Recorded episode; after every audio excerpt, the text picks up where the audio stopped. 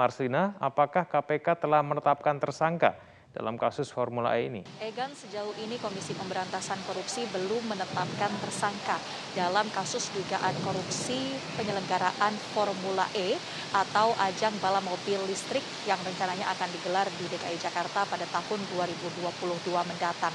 Saat ini KPK masih terus mendalami informasi dan juga menyusun kronologi terkait penyelenggaraan Formula E yang uh, dilakukan oleh pemerintah Provinsi DKI Jakarta. Pernyataan terakhir yang disampaikan oleh KPK adalah KPK membuka kemungkinan untuk menutup penyelidikan kasus dugaan korupsi Formula E apabila nantinya tidak ditemukan adanya unsur pidana dalam kasus ini. Sebelumnya pihak KPK memang mengatakan bahwa menerima sejumlah laporan dari masyarakat terkait adanya uh, dugaan korupsi atau uh, karena dari pihak Pemprov DKI dalam melakukan pembayaran komitmen fee ini kemudian ada sejumlah laporan yang terus didalami oleh KPK sampai dengan saat ini dan juga sudah ada beberapa pihak yang diperiksa oleh KPK. Namun sampai dengan hari ini kami juga masih menunggu keterangan resmi dari pihak KPK apakah hari ini ada pihak-pihak lainnya yang dimintai keterangan terkait dengan dugaan korupsi Formula E. Egan. Marcelo, lalu siapa saja pihak-pihak yang telah diperiksa untuk mendalami perkara Formula E ini?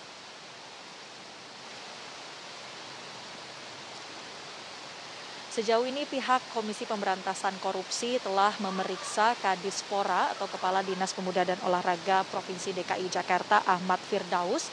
Eh, selain itu juga ada dua staf dari pemerintah Provinsi DKI Jakarta yang dimintai keterangan atau kapasitasnya ini adalah sebagai terperiksa terkait dengan penyelenggaraan Formula E di DKI Jakarta. Kemudian KPK juga telah menerima sebuah dokumen berisi 600 halaman tentang penyelenggaraan Formula E di DKI Jakarta, tepatnya adalah pada tanggal 9 November yang lalu.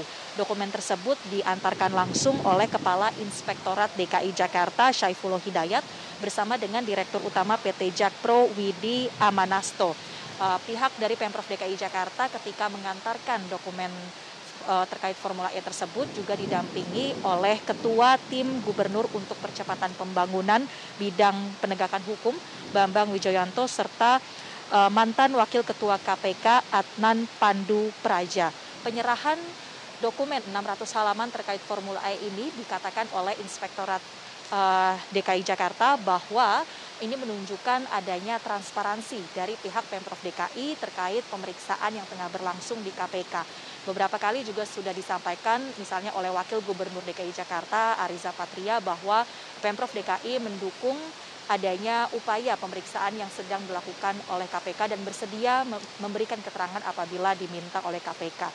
Sekilas terkait dengan penyelenggaraan Formula E ini memang dari pihak Pemprov DKI Jakarta sejak 2019 lalu telah membayarkan sejumlah komitmen fee kepada Formula E Operations di antaranya adalah sebanyak 360 miliar kemudian 200 miliar serta 423 miliar rupiah. Uh, dan diketahui bahwa komitmen fee uh, perjanjian di antara Pemprov DKI dengan FIO ini adalah sebesar 2,3 triliun. Namun karena setelah dilakukan sejumlah negosiasi, komitmen fee tersebut berhasil dipangkas menjadi sekitar 560 miliar rupiah saja untuk tiga tahun uh, masa penyelenggaraan. Dan saat ini pihak Jakpro mengatakan bahwa tengah dalam tahap mencari sponsor untuk membiayai kekurangan komitmen fee yang belum dibayarkan oleh Pemprov DKI Jakarta. Jadi untuk tadi malam sampai dengan pagi ini sudah turun sekitar 20 cm di kota Sintang ini. Namun demikian hari ini saat ini sedang hujan lebat di kota Sintang. Sehingga untuk genangan air walaupun sudah turun tapi masih masih menggenangi banyak banyak daerah. Pada hari ini masih ada delapan kecamatan yang tergenang banjir air ini hmm. dengan Baik. 86 desa. Mhm.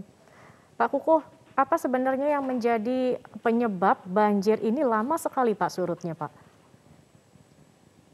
Jadi untuk Sintang ini merupakan pertemuan dari tiga sungai besar, Sungai Kayan, Sungai Melawi, dan Sungai Kapuas. sehingga apabila terjadi hujan di Kapuas dulu, di Melawi, semuanya bertemu di Sintang ini. Hmm. Ini yang menyebabkan debit air yang sangat tinggi di samping curah hujan yang sangat tinggi juga efek dari uh, lali, lanina ini. Baik.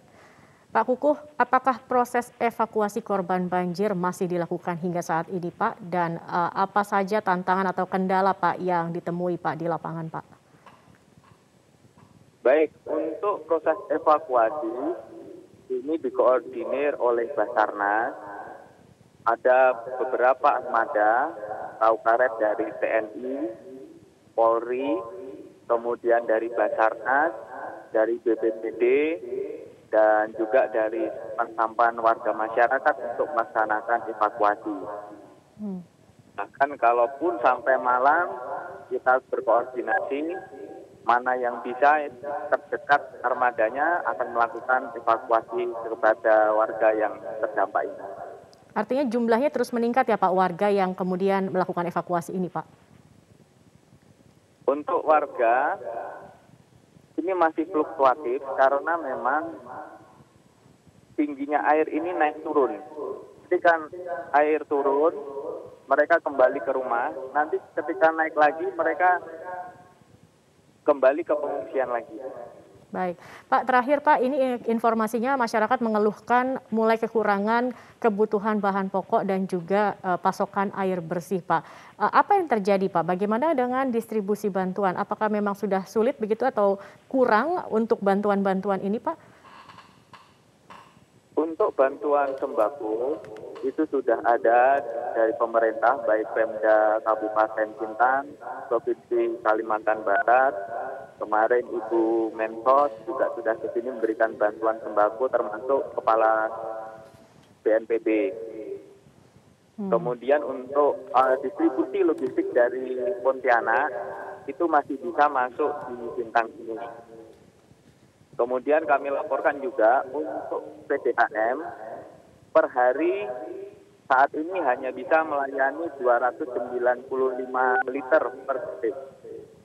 Hmm. Namun demikian, kita sudah bekerja sama dengan warga masyarakat yang mempunyai usaha air galon. Apabila kita memerlukan, kita bisa meminta kepada pengusaha tersebut untuk kita distribusikan ke titik-titik pengungsi. Pemirsa Presiden ke-6 Republik Indonesia Susilo Bambang Yudhoyono menjalani operasi kanker prostat di Rumah Sakit Mayo Clinic, Rochester, Amerika Serikat. Sang anak Agus Harimurti Yudhoyono pun membagikan kabar bahwa operasi berjalan lancar dan kondisi SBY stabil. Menjalani operasi pada hari Kamis 11 November lalu pada pukul 7 lewat 45 menit waktu setempat dan operasi selesai hampir tiga jam kemudian. Menurut AHY, operasi berjalan lancar dan saat ini kondisi ayahanda stabil. Tampak dalam dokumentasi pribadi AHY, seluruh keluarga hadir mendampingi SBY di Amerika Serikat, mulai dari proses pemeriksaan awal hingga selesai operasi. Saat ini SBY menjalani pemulihan di Rumah Sakit St. Mary's yang berada di lingkungan Mayo Clinic. Hadir juga sahabat SBY, Marsikal TNI Purnawirawan Joko Suyanto beserta istri yang ikut memberikan dukungan moral sebelum pelaksanaan operasi. AHY pun mengucapkan terima kasih atas perhatian masyarakat Indonesia yang telah memberikan simpati dan doa untuk kesembuhan.